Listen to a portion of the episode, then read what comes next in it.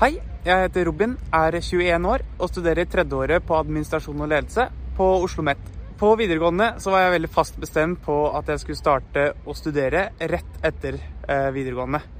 Eh, jeg var ikke helt sikker på hva jeg ville, så jeg valgte da å søke på litt allsidige studier. Det falt da på administrasjon og ledelse her på Oslo OsloMet, og det var et valg jeg var veldig fornøyd med. Selve studiet har mange forskjellige interessante fag, men de som har vært mest interessante for meg, har vært eh, jusfagene og økonomifagene, samt flere av ledelsesfagene og organisasjonsfagene.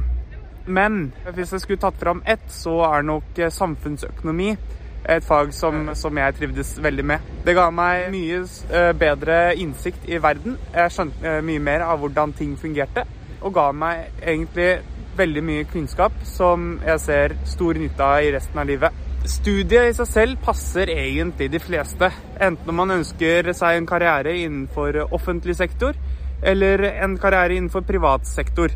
Så kan man eh, dra nytte av dette studiet. Som sagt så vil jeg også si at det passer veldig de som ønsker å starte å studere, eh, men ikke er helt sikre på hva de vil jobbe med videre. Siden studiet er så allsidig som det er, så vil det passe de fleste jobber, vil jeg tro.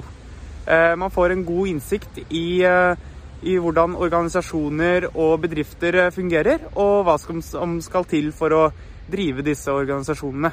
Eh, I tillegg til studiene så har jeg også pådratt meg rollen som tillitsvalgt for mitt kull. Eh, denne rollen har jeg hatt i to av studieårene, og fungerer veldig fint som eh, et ekstra verv ved siden av. Dette har gitt meg mye, og jeg liker rollen fordi det lar meg være et bindeledd mellom administrasjonen på selve skolen og elevene på mitt eget fag. Så alt i alt så trives jeg veldig mye med dette studiet og angrer ikke et sekund på valget mitt.